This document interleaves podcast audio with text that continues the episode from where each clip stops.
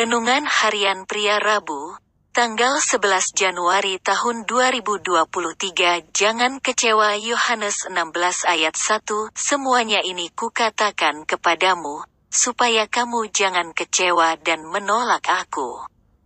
Yesus dengan terus terang mengatakan kepada murid-muridnya bahwa sebagai murid-muridnya yang mengikutinya, mereka akan mengalami kesukaran penderitaan dan bahkan penganiayaan karena nama Yesus.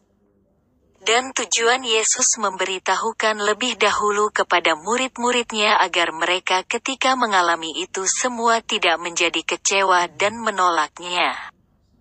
Jadi Yesus memberitahukan kepada mereka mengapa mereka akan mengalami kesukaran dan penganiayaan. Itu karena banyak orang yang masih menolak Yesus dan membencinya. Pengajaran Yesus itu membekali dan memperlengkapi murid-muridnya yang membuat mereka tetap setia mengikuti Yesus. Pemberitahuan dan pengajaran Yesus kepada murid-muridnya pada waktunya itu juga berlaku bagi Anda dan saya pada masa sekarang ini. Alkitab mengatakan bahwa akan datang masa yang sukar di dalam dunia. Dan kasih orang akan menjadi semakin dingin dan ada orang-orang yang akan meninggalkan Tuhan. Kita bisa membaca tentang apa yang akan terjadi pada hari-hari terakhir di 2 Timotius 3 ayat 1 sampai 7. Jadi jangan izinkan situasi yang sukar itu membuat kasih kita kepada Tuhan menjadi dingin. Jangan izinkan situasi itu membuat kita kecewa dan menolak Yesus. Tetaplah tinggal di dalam kasihnya.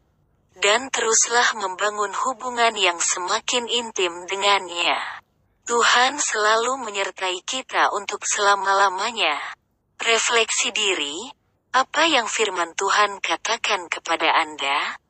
Bagaimana kehidupan Anda dengan firman Tuhan itu?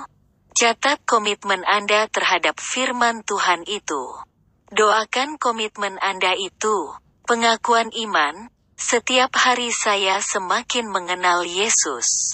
Semakin intim dengannya dan semakin kuat di dalamnya.